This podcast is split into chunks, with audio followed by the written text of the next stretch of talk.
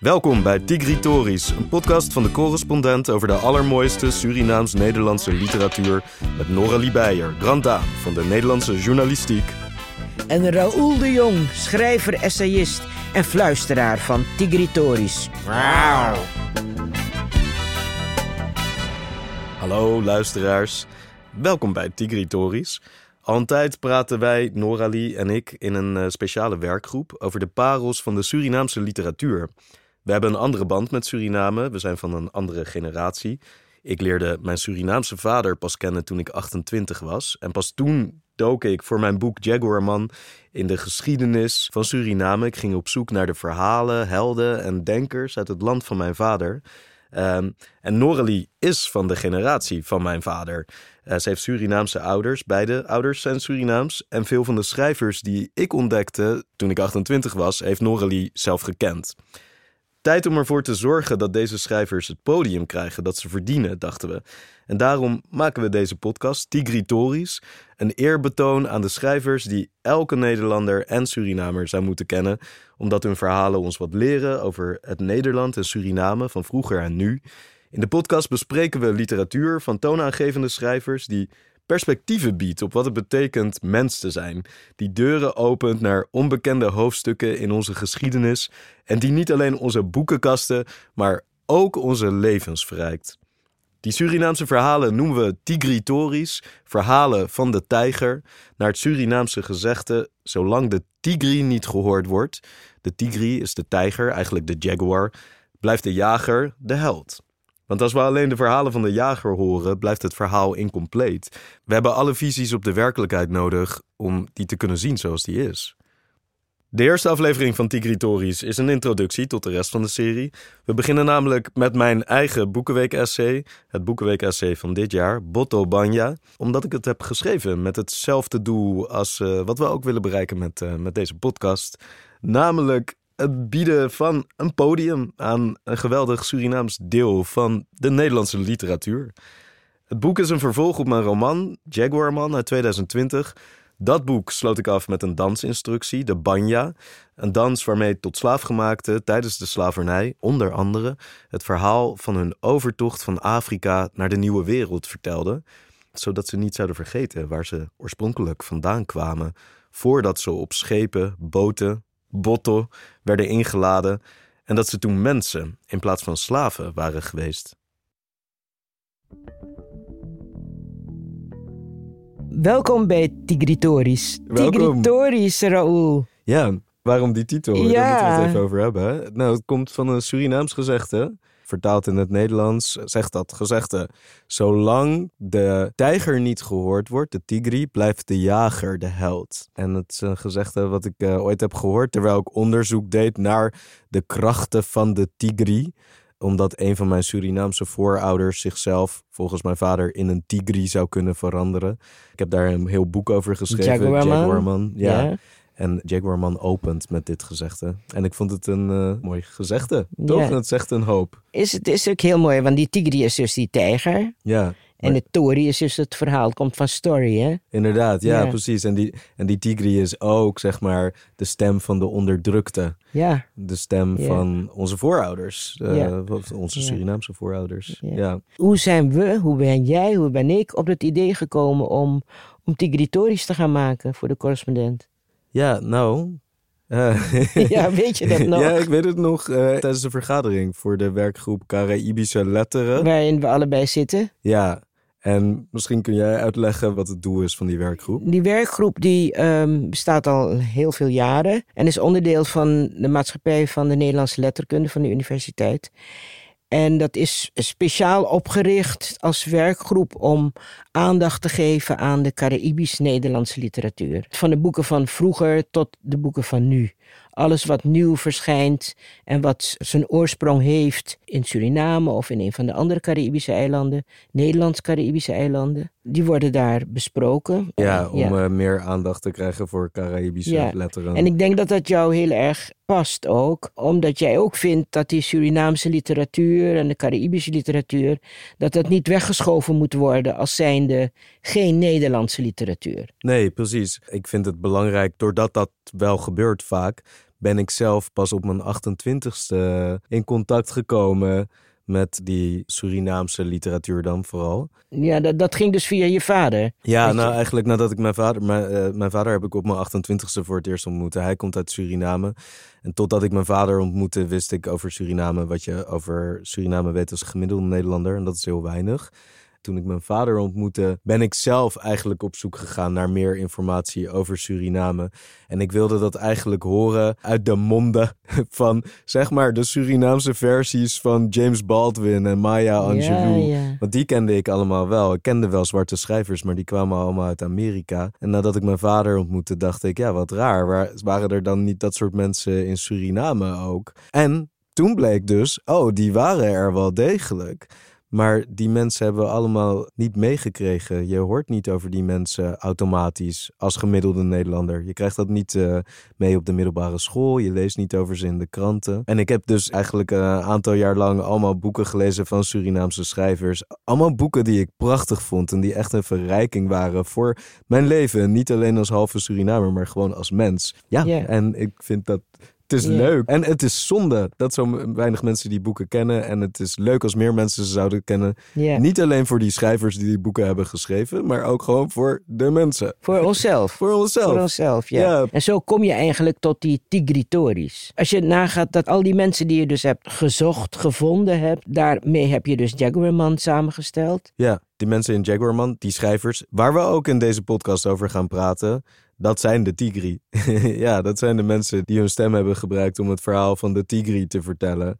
En wij gaan dat dus laten horen, omdat we willen dat die stem gehoord wordt. En omdat anders de jager de held blijft. Ja, precies. Ehm, en we gaan stukken voorlezen uit de boeken van die tigris. Ja, gaan we ook We doen. gaan muziek laten horen. En we gaan deze aflevering praten over het Boekenweek-essay. Ja, dat is Ja. de Botobanya die jij hebt geschreven. De Botobanya, ja. Botobanya is een soort van verdieping, maar ook gewoon een logisch eh, vervolg op Jaguarman. Omdat dus het verhaal van Suriname eigenlijk veel groter is dan alleen Suriname. Die Surinaamse schrijvers, die waren eigenlijk onderdeel van een golf van mensen die uit de hele Caraïbe kwamen en Noord- en Zuid-Amerika. Die allemaal hetzelfde verhaal vertelden. Die ook allemaal begrippen gebruiken die je ook kunt vinden in de geschiedenis van Suriname. Allemaal ingrediënten voor wat we nu gaan doen eigenlijk. Ja. ja, inderdaad.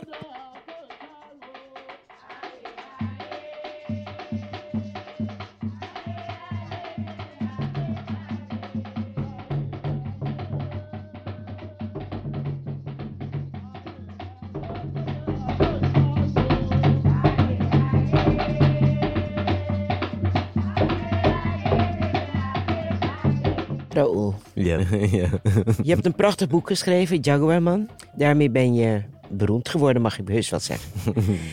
en ik heb het met heel veel plezier gelezen, omdat het mij ook de ogen opende voor geschiedenis. En dat vond ik heel mooi, want Ja. ik dacht dat ik al veel wist, maar... Ja, wat Ja. ik nooit heb verteld, want jij bent een van de mensen die het heeft gelezen ook voordat Ja. het verscheen.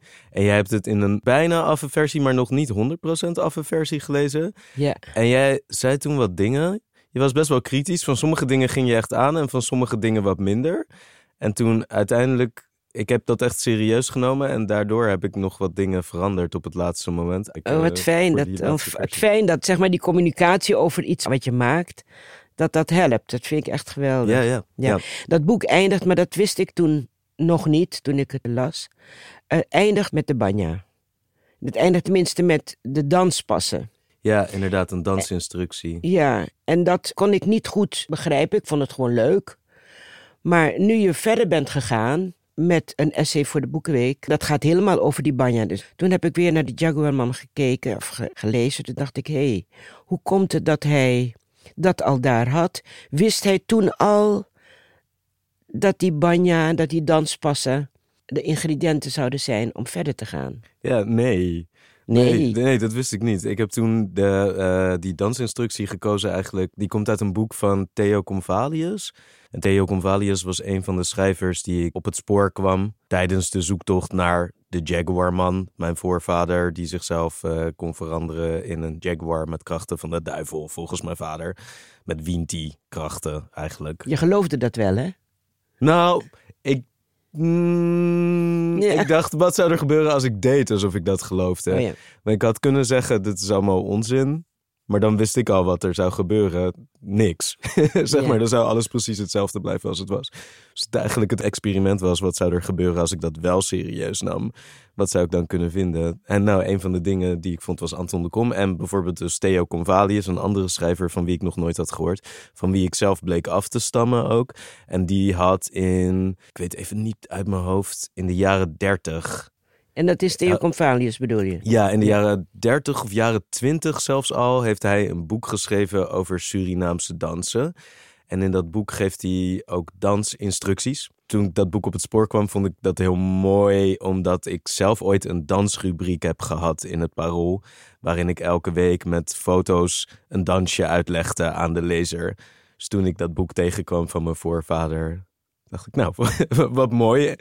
En ik had ook begrepen tijdens die zoektocht naar de krachten van de Jaguar. Wat eigenlijk een zoektocht was naar hoe mensen nou, de honderden jaren onderdrukking hebben overleefd.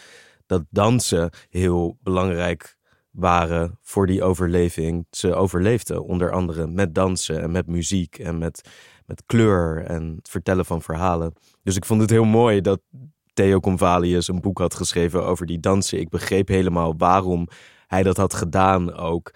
Eh, omdat hij eigenlijk dus zich ook had gefocust op de kracht van onze voorouders. En met dat boek over die dansen wilde hij laten zien aan mensen die afstanden van slaven. ehm, nou ja, dat dat hele krachtige mensen waren. En dat ze dus manieren hadden gevonden om, eh, over, om de onderdrukking te overleven. Ehm, ja, dus daarom eindigde ik met die dansinstructie. En die dansinstructie was de mooiste dansinstructie uit dat boek. Ik vond gewoon het plaatje het mooist. Ja. en ben je zelf een danser? Ja, ja, ik, ben, Ja? ja? ik hou van dansen. Ja. Ja. Ik heb nooit een, niet een dansopleiding gevolgd of zo, maar ik hou van dansen in de disco. En voor mij voelt dat ook echt als, ja, dat klinkt meteen zo zweverig, maar wel, ik kan me zeg maar verliezen in de muziek. Ja, dan is het alsof ik zelf een beetje verdwijn en dan, dan kan ik heel lang doorgaan en zweten. En dan, als ik dan klaar ben, dan voel ik me beter. Ja. Zo, dat komt, dat komt, zo'n scène komt voor in, in het essay wat je geschreven hebt en waar we het zo direct verder over hebben. Maar ik wil Ja. eerst even weten, want je eindigt dus met die, die Ja. danspassen. Ik, eh, ja. En het, het is een banya-dans. Mhm. Ja. En, en wat je zegt, eh, de slaafgemaakten, de mensen die uit Afrika kwamen, die overleefden daarmee. Het was een overlevingsmechanisme, dat dansen. ja. Wat is die banya eigenlijk? Want het is niet zomaar een merengue of een calypso of wat dan ook. Het is wel iets bijzonders.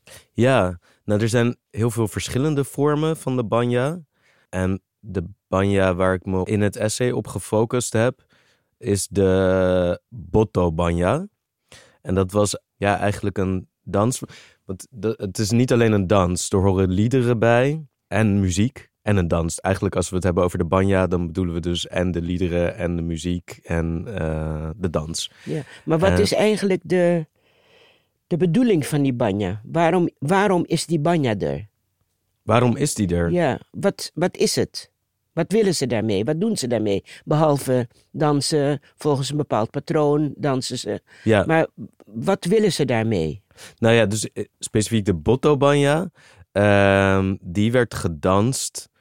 Met die dans en met die liederen en met die muziek vertelde eigenlijk tot slaafgemaakte het verhaal na van hoe ze ooit uit Afrika zijn ontvoerd, over de oceaan naar de nieuwe wereld zijn gebracht. Waar ze bijvoorbeeld aankwamen in Curaçao, eh, verkocht werden op de slavenmarkt. En één broer ging dan naar Haiti, de andere broer ging naar Guadeloupe en de andere broer ging naar Suriname. En met de Botobanya ja, zingen ze over die reis. En vertellen ze dus eigenlijk het verhaal van wie ze waren voordat ze in slavernij terechtkwamen. Maar kan je wel een beetje omschrijven wat voor muziek het is? Oeh, ja, dat vind ik wel lastig. Mij klinkt het heel opzwepend in de oren, maar soms kan het ook heel nostalgisch klinken. Ik ben bij Marianne Markelo langs geweest en die heeft een aantal... Marianne Markelo, dat is een... Ehm, ja, Winti-priesteres. En zij heeft toen een aantal Banja-liederen voor mij gezongen. Ja, en van sommige liederen echt springen zo de haren op je armen overeind. Dat je zo ook ja, heel erg de pijn voelt van mensen die, ja, die mensen waren en die op een dag zijn ontvoerd. En van de een op de andere dag werd al hun menselijkheid hun afgenomen. En Uh, ja, dus soms is het heel nostalgisch en soms voel je juist heel erg zo de kracht van die mensen ook.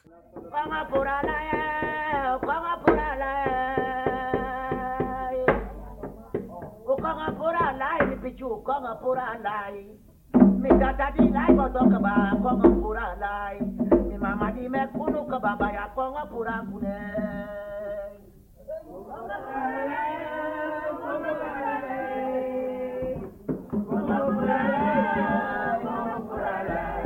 Mi di ba pura mi mama di me kunu ka ba ko pura kunu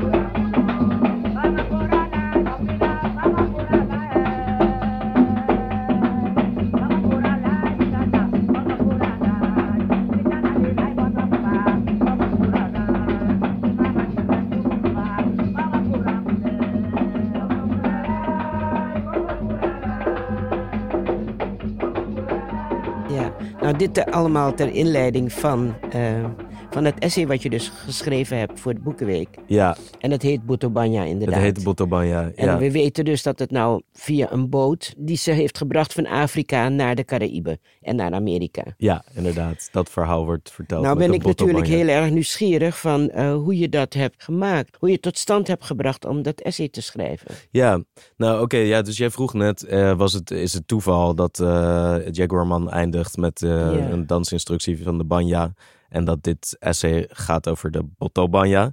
En dat is toeval, want ik werd gevraagd eh, twee jaar nadat ik Jaguarman had geschreven of ik eh, dat essay wilde schrijven. En ik wist meteen dat ik iets wilde doen met ja, de boeken die ik na Jaguarman op het spoor ben gekomen. Dus tijdens Jaguarman heb ik allemaal Surinaamse schrijvers ontdekt. Zoals Theo Convalius, van wie ik zelf afstamde. En eh, Anton de Kom, eh, van Bij Slaven van Suriname. Het waren allemaal schrijvers die ik niet kende voordat ik begon te zoeken naar de krachten van de Jaguar. Het waren allemaal schrijvers van wie ik heel erg blij werd. En wat ik ontdekte in de jaren na eh, dat Jaguarman uitkwam, was dat die schrijvers niet alleen waren. Terwijl Anton de Kom en Theo Convalius hun boeken schreven, er overal in het Caribisch gebied en in Noord- en Zuid-Amerika, eigenlijk overal waar mensen door de slavernij terecht waren gekomen, stonden er schrijvers op die het verhaal van hun voorouders gingen vertellen. En dat gebeurde allemaal zo rond de jaren 30. Dus in 1934 is Wij Slaaf van Suriname uitgekomen. En rond diezelfde tijd was er bijvoorbeeld Zora Neale Hurston. Eh, dat was een vrouw ja, die ook afstamde van tot slaafgemaakte. Die door Noord-Amerika is gaan reizen. En ja, eh, liedjes en muziek ging verzamelen van tot slaafgemaakte. Ja, ik heb een aantal van die boeken liggen hier voor ons. Misschien moet ik, even, moet ik ze gewoon even oppakken. Dus bijvoorbeeld dit boek van C.L.R. James. Hij heeft ook in de jaren dertig een boek geschreven. Hij komt uit eh, Trinidad en hij heeft een boek geschreven over de opstand op Haiti. Dat is de grootste slavenopstand die er is geweest in de geschiedenis. En de enige die, eh, ja, die echt helemaal geslaagd is. En het was al begin 19e eeuw, hè, geloof ik, die Ja, opstand. 1791 is die, eh, is die, revolutie begonnen. Ja, Hmm. onder leiding van een voodoo-priester. Ja, en dat heeft er uiteindelijk toe geleid dat eh, Haiti de onafhankelijkheid kreeg. Dus dat eh, ja, de Franse onderdrukker, zeg maar, is van het eiland afgejaagd. En de tot slaafgemaakten hebben hun eigen vrijheid voor elkaar gekregen. En eh Saint-Dominique werd veranderd in Haiti. Dus dit is een boek wat rond dezelfde tijd als Wij Slaven van Suriname is geschreven door een andere man uit een andere kolonie, Trinidad. Claude McKay. Die kwam uit Jamaica en die heeft in 1929 een fantastisch boek geschreven, Banjo. Wat gaat over allemaal eh, zwarte mannen die uit eh, Guadeloupe, Haiti, Noord- en Zuid-Amerika eh, komen. Die allemaal over de zee zijn gereisd, illegaal of als matroos. En in Marseille van hun schepen zijn afgestapt. En die daar zijn gebleven en eigenlijk hun dagen doorbrengen met muziek maken en plezier beleven. Het is echt een fantastisch boek. Ja, Langston Huge komt uit Amerika stamt af van, uh, van tot slaafgemaakte. Um, en die is in de jaren twintig over de wereld gaan reizen als uh, jonge man, als matroos. En daar heeft hij uh, een fantastisch boek over geschreven, The Big Sea. Maar deze boeken hebben je dus geïnspireerd tot het vervolg eigenlijk van Jaguarman. Tot het essay. Ja, inderdaad. Nou, ik las al deze boeken en ik zag dat ze eigenlijk allemaal hetzelfde verhaal vertelden. Uh, als bijvoorbeeld Anton de Kom en Theo Convalius. Dus daardoor begreep ik, oh, dit verhaal is eigenlijk veel groter dan alleen Nederland en Suriname. Ja, en toen ik gevraagd werd om dat essay te schrijven, dacht ik, oké, daar wil ik iets mee doen. Maar ik wist niet precies in welke vorm ik dat moest doen. Maar wilde je dat verhaal van die mensen opnieuw vertellen? Of op een op je eigen manier vertellen. Dat we zeggen, die reis die die mensen gemaakt hebben van Afrika naar die eilanden en naar Noord- en Zuid-Amerika. En vervolgens toch weer Europa hebben gevonden. Ja, nou ja, inderdaad. Wat, daar... wat, wat wilde je eigenlijk met, met al die verhalen die je had gelezen van deze mensen? Ja, oké. Nou, wat ik zag is dat deze mensen schreven eigenlijk. Ze vertelden allemaal hetzelfde verhaal. En ze vertelden eigenlijk het verhaal van ja, mensen die, van wie ooit alle vrijheid was afgenomen. En die toch manieren hadden gevonden om, om toch vrij te zijn. En ik zag dat deze schrijvers allemaal de wereld waren ingetrokken rond dezelfde tijd. Omdat ze dat verhaal wilden vertellen. Omdat ze het gevoel hadden dat de hele wereld iets te winnen had bij dat verhaal. Ze hadden bepaalde gereedschappen gevonden in hun eigen geschiedenis. En, zoals wel. Zoals die dansen en die muziek. En ja, en ze hadden het gevoel dat de hele mensheid daar iets bij te winnen had. En daarom schreven ze hun boeken en vertelden ze dat verhaal. Ik wist dat ik daar iets mee wilde doen. En ik wist dat ik die gereedschappen die ik dacht te herkennen in al hun verhalen, dat ik die wilde testen in de praktijk. Maar ik wist niet precies hoe ik dat moest doen, totdat ik een droom had de nacht nadat ik hoorde dat ik het Boekenweek essay mocht schrijven. En in die droom zat ik op een uh, boot uh, in een matrozenpak. ik werd wakker, ik dacht, oh dat is raar, moet ik daar dan iets mee? En toen diezelfde dag kwam er een vrouw bij mij langs die Jaguarman had gelezen. En ze had me op Facebook een bericht gestuurd dat ze dat boek zo fantastisch had gevonden en dat ze me heel graag wilde ontmoeten. En ik had haar uitgenodigd bij me thuis. Ik kende haar niet, maar ze kwam bij me langs en we dronken een kopje thee. En zij vertelde me toen dat zij onderzoek deed naar de banya, een magische dans uit Suriname. Dus ik vertelde haar over mijn droom en ik zei, ja, ik, heb deze droom gehad. Heeft, heeft dat iets te maken met jouw dans misschien? Moet ik hier iets mee? En zij zei, ja, natuurlijk. Want, nou, A, jouw boek Jaguarman eindigt met een dansinstructie van de banya. En een van de oudste vormen van de banya was de botto banya. En nou, daarmee vertelde dus tot slaafgemaakte het verhaal van hoe ze ooit uit Afrika naar de nieuwe wereld waren gebracht over de oceaan. En in dat verhaal vertellen ze dus ook. We kwamen aan, bijvoorbeeld in Curaçao. Daar werden we verkocht op de slavenmarkt. En dan de ene broer ging naar Haiti, de andere naar Suriname. We werden opgesplitst. Maar voordat we werden opgesplitst, waren we allemaal dezelfde mensen.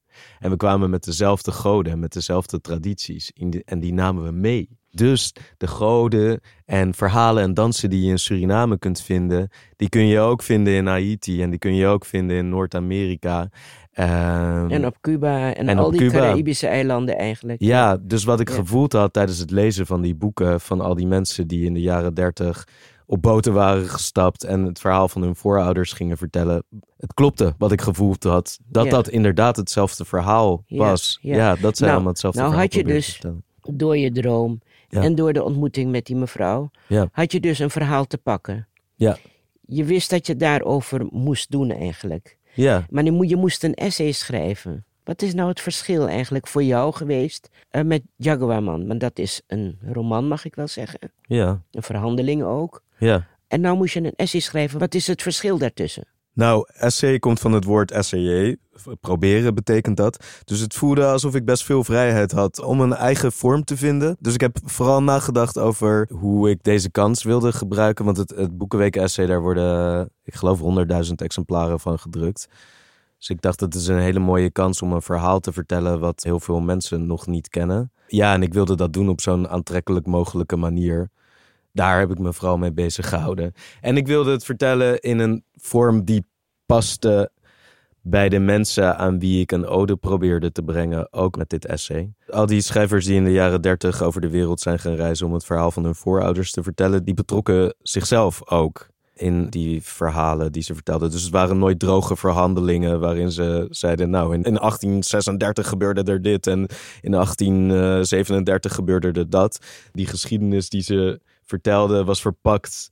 Ja, bijvoorbeeld in de vorm van een reisverhaal. Ehm, En dat ben jij ja. dus ook gaan doen. Ja, dus dat ben ik ook gaan doen. Dat paste bij waar ik over wilde vertellen. Ja, En hoe, hoe gaat dat dan? Je wilt dus een reis maken, analoog aan die eh, verhalen van de mensen die je hebt gelezen. ja. Waar begin je? Waar eindig je? Wat wilde je? Ja, nou, dus ik had de droom gehad. Ik had uitleg gekregen van waarom ik die droom had gehad. Van eh, Rachel Kefery. Ik had al die boeken van die schrijvers. Ik had bepaalde dingen begrepen uit die boeken. Een van die dingen was dat je dromen serieus moet nemen. Ja, dus toen dacht ik, oké, dan is dat wat ik moet doen.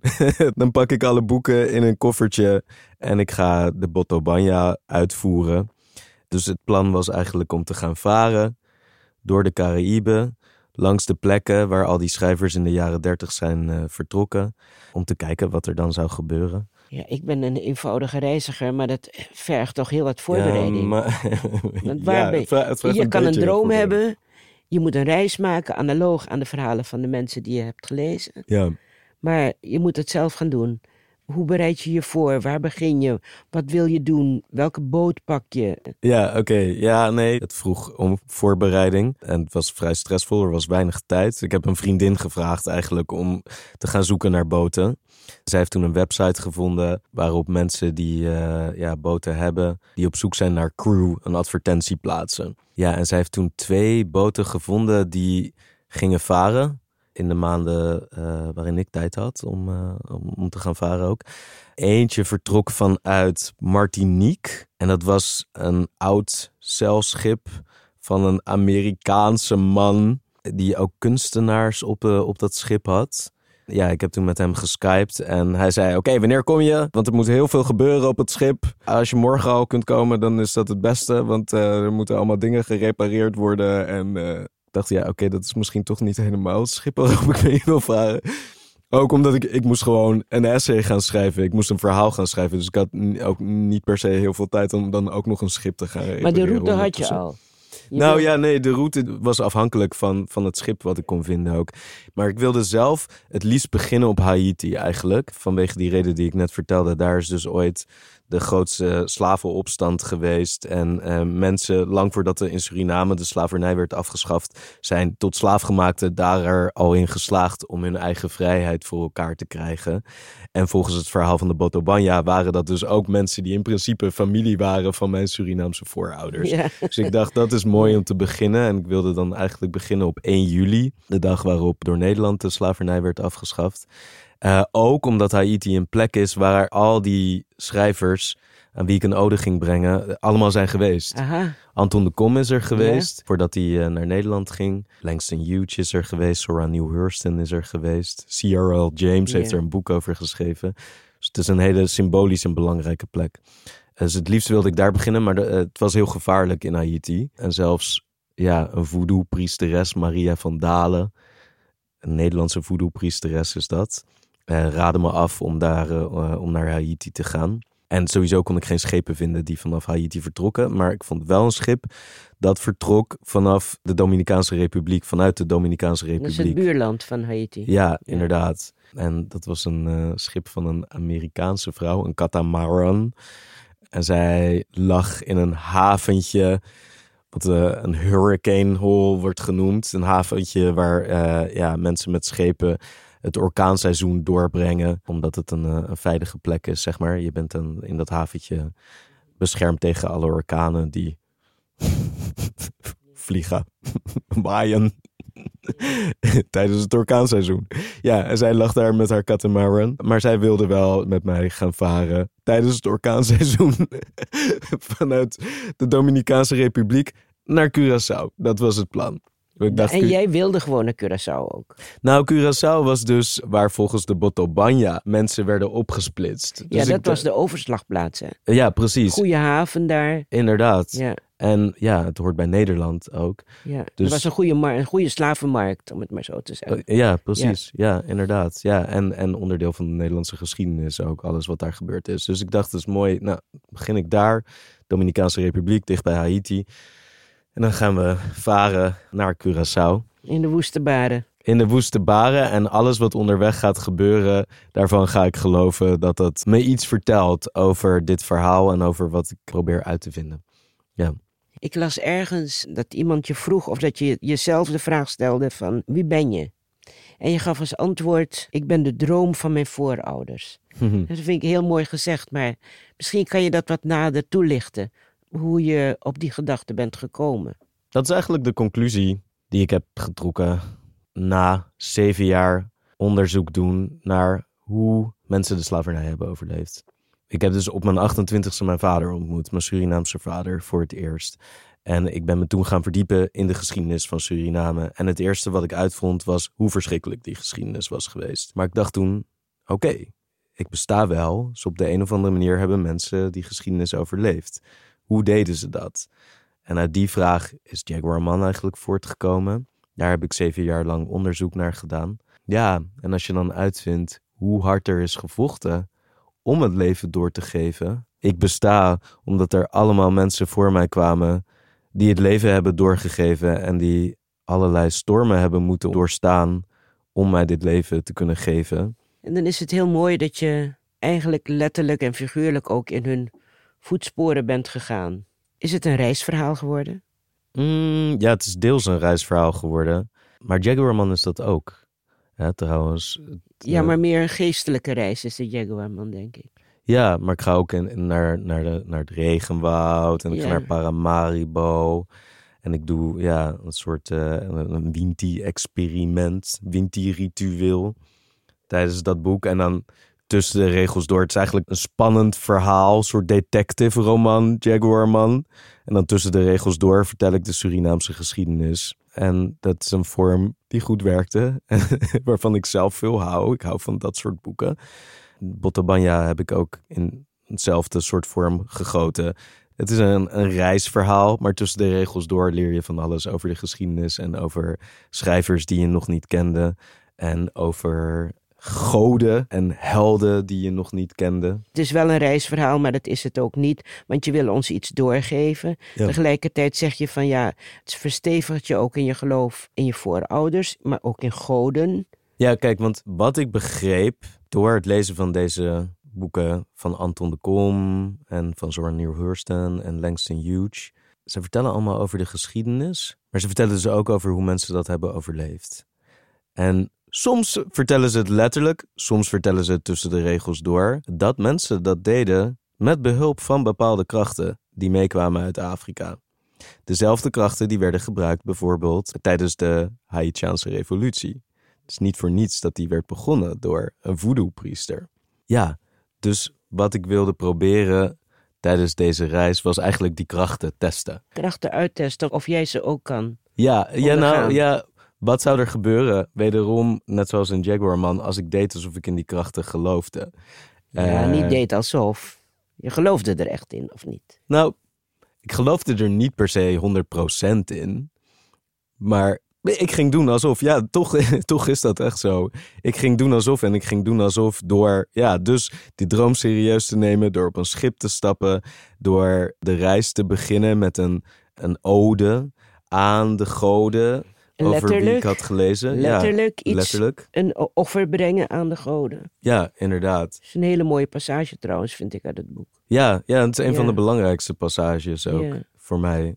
Eh, Waarin je dus eigenlijk praat tot de god van het water. En ook tot de godin van de onderkant, zeg maar, van de bodem. Ja, inderdaad. Ja, en dat begint dan met het aanroepen van Papa Legba. Wordt hij in het Haitiaanse voodoo genoemd. In Suriname noemen we hem, geloof ik, Leba.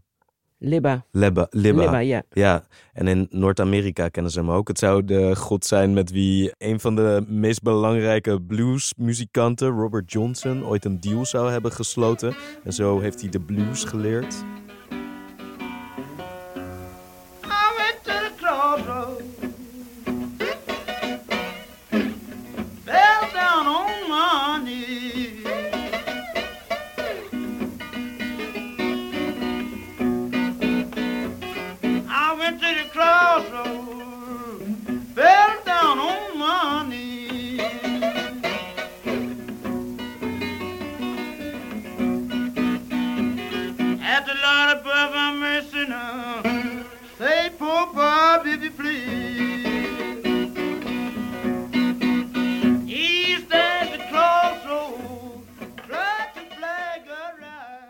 Elke ceremonie begint met het aanroepen van die god. Want hij is dan de, of de kracht moet je zeggen eigenlijk. Hij is de kracht die de deur opent naar de, naar de andere krachten. Eh, zij is de eerste en dan daarna roep ik inderdaad La Sirene op. Dat is dan de godin die de schatten op de bodem van de oceaan eh, beschermt. Eh, een soort zwarte zeemeermin.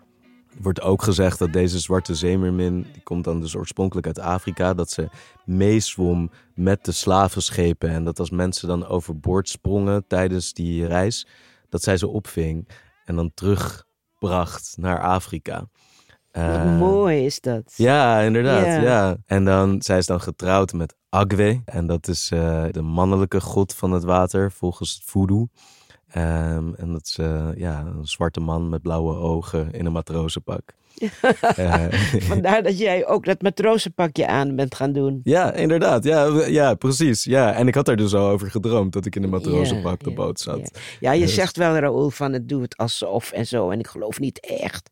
Maar het is toch wel heel wezenlijk. Nou, ik ben er meer in gaan geloven door wat er gebeurd is tijdens die reis. Vertel. Ja, gewoon hele rare dingen zijn er gebeurd tijdens die reis. Nou, eh, noem er dus één. Nou, oké, uiteindelijk heeft het schip een soort ongeluk gekregen midden op de oceaan. En door dat ongeluk eh, belandde ik in een plaatsje waar ik niemand kende. En ja, met geen idee van hoe ik nu verder moest eigenlijk.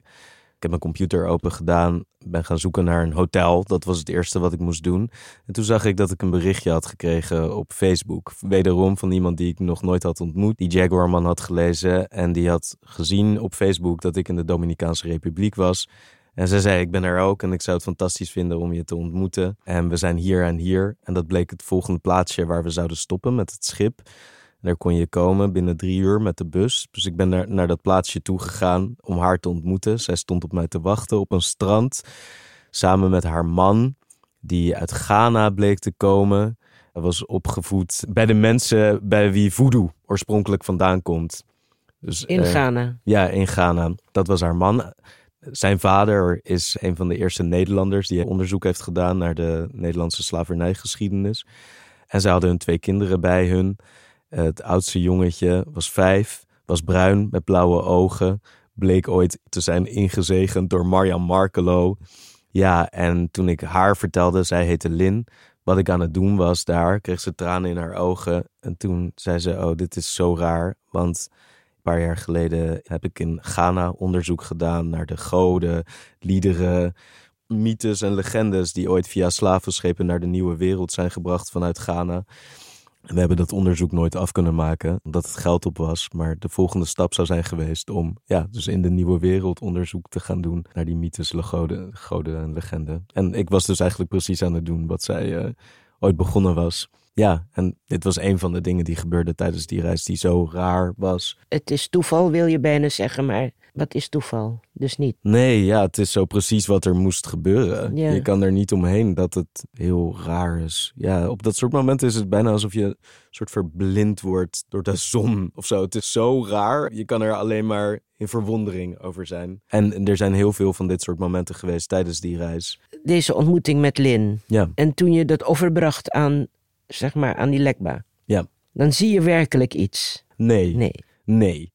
nee, dus je voelt je dan heel silly eigenlijk. Ja? Ja, ik, ik voelde me best wel silly. Ik had mijn matrozenpakje aan. We stonden dus op die katamaran. En ik stond dan zo onderaan dat schip in mijn matrozenpakje met allemaal cadeautjes die ik had voor de goden. Ik had die verzameld op aanraden van eh Maria Markelo en? Maria van Dalen. Wat? Eh, nou, Agwe die moest dan eh, champagne, de god van het water, de, de mannelijke god, die moest champagne. Dus ik had een fles champagne. Voor La Sirene had ik een spiegeltje, een Barbie spiegeltje en stukjes fruit. En voor Lekba had ik koude koffie. Ik stond daar en ik eh, goot dat allemaal in het water en ik zei de woorden die zij me hadden geleerd, Maria van Dalen en Marjan Markelo. En ja, ik deed alsof ik erin geloofde. Maar Ja, nou, dat is wel iets meer, Raoul, want anders doe je dat niet. nee, het is gewoon, het is een experiment. En zeg maar, je moet dat experiment dan tot het einde. Anders dan gaat het sowieso niet werken. Ja. Ja. Maar, je, maar je, je gedraagt je niet als een acteur dan. Nou, ik, ik voelde me dus wel een beetje een acteur. En ik voelde me ook een beetje silly. Ja, want er waren mensen bij. En Ik denk, wat doet die jongen wat, daar? wat doet die nou weer allemaal? Ja. Ja, Nee, ik deed alsof ik erin geloofde. Ik kan het niet anders zeggen. Ja. ja. Daar verschijnt Papa Lekba onder de waterrand. Een oude zwarte man met een witte baard en een rieten hoed op zijn hoofd. Hij lijkt wijs, niet angstaanjagend. Hij heeft alles wat hiervoor kwam meegemaakt en gezien. Oorspronkelijk komt hij uit het Afrikaanse koninkrijk Dahomey. Hij is de god die de weg vrijmaakt naar de andere goden. Dat is zo in Suriname, op Haiti en in de Verenigde Staten. Wilt u me helpen om de goden van het water te bereiken? vraag ik. Hij fronst wanneer hij die cynische Russel achter me ziet. Alsjeblieft, vraag ik. Ik doe dit ook voor u. Dan lacht hij, vooruit. En ploep, daar verdwijnt hij in de diepte, nog wat belletjes omhoog blazend. De eerste watergod die verschijnt is La Sirene, een zwarte zeemermin die volgens de Haitiaanse voodoo de schatten op de bodem van de oceaan bewaakt. Alles wat onderweg verloren ging en daar nu ligt te schitteren. Soms komt ze diep in de nacht het land op. Dan zit ze, net als de Surinaamse Watra Mama, op de rotsen langs het water, terwijl ze met een gouden borstel haar lange zwarte haren kampt. In Suriname werd de dans die slaafgemaakte danste om deze godin te vereren als zo'n grote bedreiging beschouwd voor het gezag dat de meesters, de Watra Mama dans en alle dansen die erop leken in 1776 officieel verboden. Volgens de Verhandeling over den landbouw in de kolonie Suriname, een plantershandleiding uit 1787, was de dans een ondoorgrondelijk geheim. Maar wat de meesters wel begrepen, was dat de onzichtbare geest die met de dans werd opgeroepen, er niet voor terugdeinsde om slaven aan te moedigen om de plantage af te lopen en de blanken te vermoorden. Ik geef La Sirene een roze barbiekammetje en een handspiegeltje en vraag haar om mij haar schatten te laten zien. De lintjes van mijn matrozenhoedje wapperen omhoog in een windvlaag. Ik hoop dat dit betekent dat ze ja zegt. Dan ontkurk ik een fles champagne en spuit de inhoud over de reling in het water, links, rechts en in het midden. Wat een verspilling, bromt Russel. Ik doe wederom net alsof ik hem niet hoor en overweeg of ik hem uit dit verhaal moet schrijven en zeg: Papa Agwe, meester van de zee. Bam, knetter, donder, daar is hij, groots, glunderend, ongeknakt, zwevend boven het wateroppervlak in een explosie van roze vuurwerk.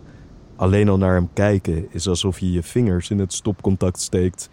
Hij heeft een donkere huid en blauwe ogen en hij draagt een matrozenpak.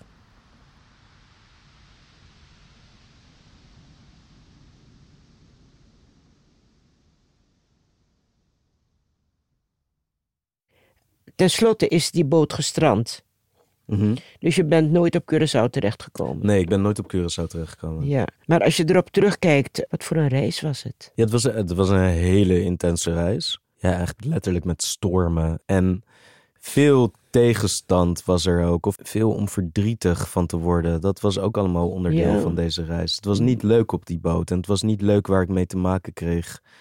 Ik zat op het schip en wat ik al vrij snel merkte was dat ik de mensen met wie ik op dat schip zat, dat die niet helemaal begrepen wat ik aan het doen was.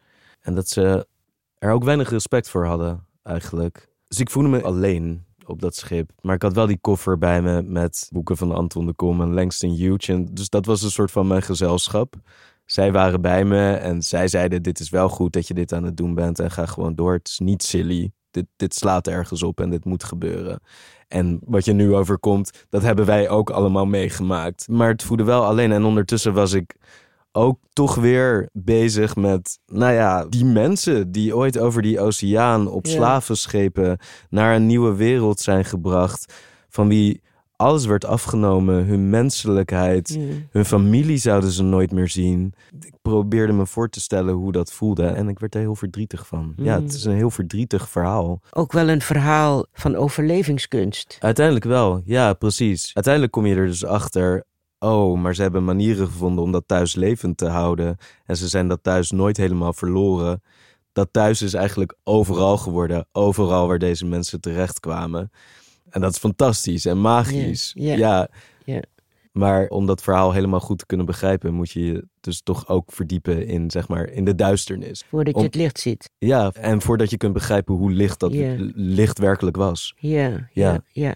De, de, de metafoor voor dit alles is die botobanya. Ja, inderdaad. En ja. die dans die wordt eigenlijk nog tot de dag van vandaag opgevoerd. Misschien niet zo vaak. Maar het gebeurt nog wel, hè? Ja, het gebeurt nog wel. Ja, ik, maar ik, ik heb er nooit eentje gezien. Dus ik heb erover gelezen in een boek van Trudy Guda. Dat is in 2004 of zo uitgekomen. Het is een fantastisch boek. Ze heeft helemaal onderzoek gedaan naar wat de banya was. En daar staan een aantal stukken in dat boek ook over de Botto Banya. Dus ik heb erover gelezen. Ik ben nu inmiddels wel uitgenodigd voor een Botto Banya in juni in Suriname. Wauw. ja, het is echt een, fantastisch. Maar ik heb er dus nooit eentje met eigen ogen gezien. Wat ik erover gehoord heb, is dat het inderdaad nog steeds gedanst wordt, maar het heeft altijd een reden. Bijvoorbeeld. Nou, bijvoorbeeld, er zijn problemen in een familie en dan gaan ze naar een, een Winti-priester of een priesteres. Die doet dan onderzoek naar waar die problemen vandaan komen. En als die problemen iets te maken hebben met die overtocht. eh, Met die voorouders. ja, die voorouders die ooit uit Afrika zijn ontvoerd Ja. en over de oceaan naar een nieuwe wereld zijn gebracht. Als daar dat probleem vandaan komt, dan wordt er een botobanya gedaan om dat probleem op te lossen. Ja, er zijn dan wekenlange voorbereiding voor die eh botobanya. Er wordt eten gekookt, kostuums worden er gemaakt. En er wordt echt een boot binnengebracht. Ja, en uiteindelijk dan is er de Botobanya. Dat is het hoogtepunt van dat hele ding. Dat is dan dus een soort feest. Ter afronding van alle rituelen die in de weken daarvoor al zijn Ja. geweest. En tijdens dat feest is de hele familie aanwezig. Allemaal mensen zijn uitgenodigd. En de Botobanya begint dan met een miniatuurboot die de zaal wordt binnengereden door mannen die zijn aangekleed als matrozen. Jawel, jawel, Raoul de Jong. Ja. Daar, zijn- daar gaan we. Inderdaad. Ja. En op dat miniatuurschip zitten dan eh, zwarte poppen die de voorouders symboliseren. En een witte pop die zo de onderdrukker symboliseert. Dat schip wordt binnengereden. De familie wuift dat schip toe met witte doeken. Ja, en de muziek speelt, er wordt gezongen. En eigenlijk is dat het moment waarop het feest begint. Ja, Ja. maar het, het is een feest, maar het is ook een aanroepen, denk ik, van, van die voorouders. Want ze willen iets oplossen. Ja. Of ze willen, eh, er is iets gebeurd. Ja, wat geheeld moet worden. Ja, Ja, precies. Ja. maar zoals ik het begreep is er dus in alle voorbereidingen die er voor dit moment gebeuren, zijn die problemen eigenlijk al opgelost. Want er, er zijn al allemaal rituelen gedaan en zo. En dus op het moment dat echt die boot wordt binnengereden en met muziek en die familie die daar staat met witte doeken, dat is eigenlijk het moment waarop de heling voltooid is. Dat Eh, moet je vieren dus. ja, inderdaad. En, en de boodschap is heel erg, we hebben het overleefd. we zijn er. We zijn er nog. eh, ondanks alles. En dat mogen we vieren. Ja. ja. Dus de eerste keer was het het begin van alle ellende. Toen het echt gebeurde, zeg maar, die overtocht. Maar tijdens de Botobanya is het het begin van het feest. In het boek, eh, in de Jaguarman Ja. en ook in het essay wat je dus nu hebt geschreven, daar eindigen alle fragmenten eigenlijk met een tekening van een danspas. Ja, inderdaad. Ja. Ja. Is dat inderdaad ook zoals ze moeten dansen? Is dat dan bijvoorbeeld anders dan een andere banya-dans? Voor de, voor de Botobanya? Ja. Omdat jij Maar ja. zelf die, die tekeningen hebt gemaakt. Ja, ja, ik heb die, te- die, die van de dansstapjes, inderdaad. Ja. die heb ik ertussen. Maar dat, is, dat zijn niet letterlijk eh ja. banya-stapjes. En ik weet eigenlijk niet, moet ik eerlijk zeggen, of de Botto Banya-dans, of er echt anders gedanst wordt dan tijdens een andere banya. Ik weet dat er bepaalde Botobanya-liederen zijn. En ja, dat- je, je begint dat essay ook met een van die liederen. ja, inderdaad, ja. Ja, dat vond ik wel heel mooi om Ja. daarmee dat essay te beginnen. Ja. Ja, en je hebt dus verschillende Botobanya-liederen. Eh, de- deze gaat heel erg over de overtocht. Je hebt liederen ook die zeggen: Oké, we kwamen niet alleen naar de nieuwe wereld. Er waren goden die met ons meereisden. En er zijn ook liederen, Botobanya-liederen, die meer gaan over. Eh, zeg maar, we zijn al in Suriname en we zien een schip aankomen. En wat heeft het schip dit keer meegebracht? Zijn het mensen of goederen? Ehm, zo, ja. En dat fragment wat jij hebt gebruikt, weet je nog? Ja. Waarom je dat hebt genomen? Ja, omdat het heel erg gaat over. Even kijken hoor, wat, wat zegt het ook weer? Scheepsgenoot. Ik heb het bij me, die geschiedenis waar jij en ik het over hadden, die zit in me. Dat lied zegt eigenlijk heel erg. We zijn het nooit vergeten. We zijn nooit vergeten waar we vandaan kwamen. We zijn nooit vergeten wie we werkelijk zijn. We worden nu slaven genoemd. Al onze menselijkheid is ons afgenomen. Ons thuis is verdwenen. Maar we weten nog wie we zijn. Aan de buitenkant zullen we het misschien niet laten zien, omdat dat gevaarlijk is. Maar van binnen weten we wie we zijn. En we zullen het doorgeven. En we zullen ervoor zorgen dat het aankomt bij de kinderen van de kinderen van de kinderen van de kinderen. En een van die kinderen ben ik. En het is bij mij aangekomen. Ik weet wie we zijn, waar we vandaan komen. Ja. Ja.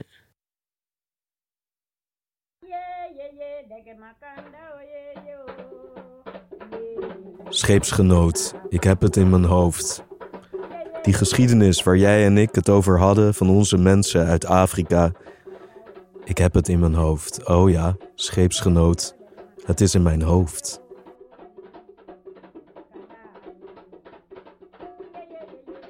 Mooi slot van deze aflevering, Roon. Ehm, wat gaan we verder doen na deze aflevering? Nou, de volgende aflevering gaan we praten over een van de grootste helden uit de Surinaamse geschiedenis. Niet alleen uit de Surinaamse literatuurgeschiedenis, maar uit de Surinaamse geschiedenis. Anton de Kom. En dan gaan we niet praten over eh, dat boek, wat inmiddels misschien toch wel een klassieker is. En dat wat de meeste mensen hopelijk toch wel kennen, Wij Slaven van Suriname. We gaan praten over een ander boek dat hij heeft geschreven. Eh, want dat is fantastisch. Dit verhaal van Anton de Kom is eigenlijk nog wat groter dan de meeste mensen beseffen. Ja, we gaan het hebben over zijn Anansi Tories. Ja, inderdaad. En daarna ehm, maken we een uitstapje naar Thea Doelwijd. Ja, jaren Thea 60. Doelwijd, jaren 60. Een schrijfster, dichteres. Heeft Eh. veel voor theater geschreven. Inderdaad. En zij was het, eigenlijk het centrum, het middelpunt van een fantastische speelse revolutie die Ja. in de jaren 60, 70 in Suriname heeft plaatsgevonden. Waar we ook heel weinig over weten. ja, daar gaan we het ook over hebben. Ja,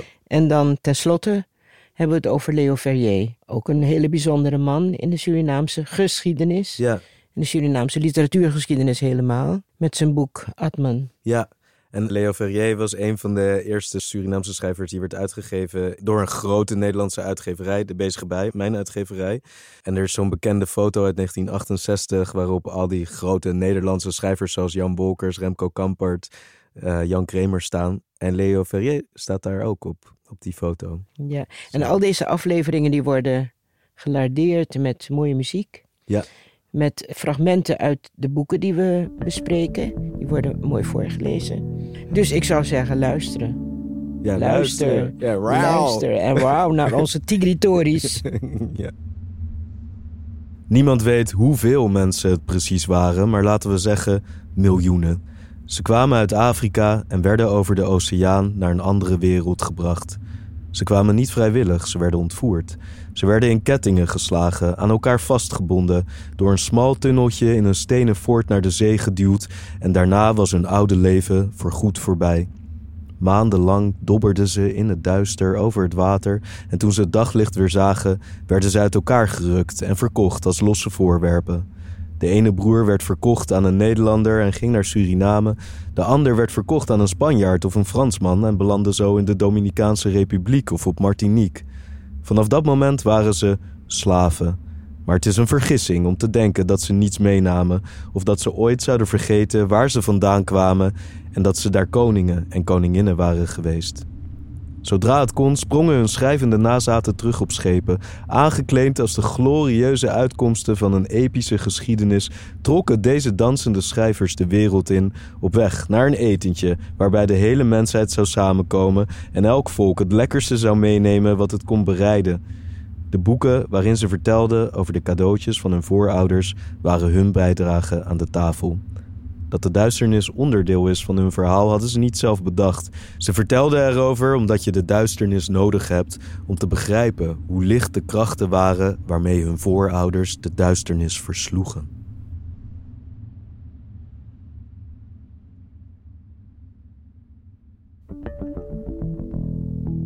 Bedankt voor het luisteren naar Tigritories. Dit was een podcast van de correspondent. Regie en productie Jacco Prantel. Projectmanagement Edivania Lopez Duarte. Onderzoek Vera Mulder. Eindredactie Jelena Barisic en Anna Vossers. Coördinatie en redactie Maaike Goslinga. Vormgeving Luca van Diepen.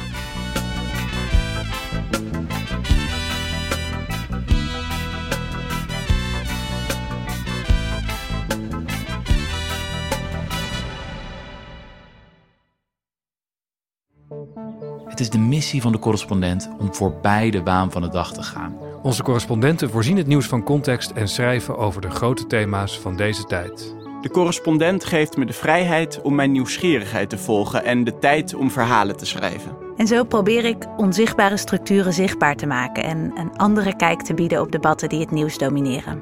Dan gaat het minder over het spelletje en veel meer over wat er op het spel staat. Vanaf dag 1 zijn onze artikelen, boeken en podcasts gefinancierd door onze leden. Volg ons op onze journalistieke zoektocht. Overweeg eens lid te worden van de correspondent. En maak daarmee samen met ruim 70.000 anderen onze onafhankelijke journalistiek mogelijk. Dus word lid van de correspondent. Ja. Word lid. Word lid.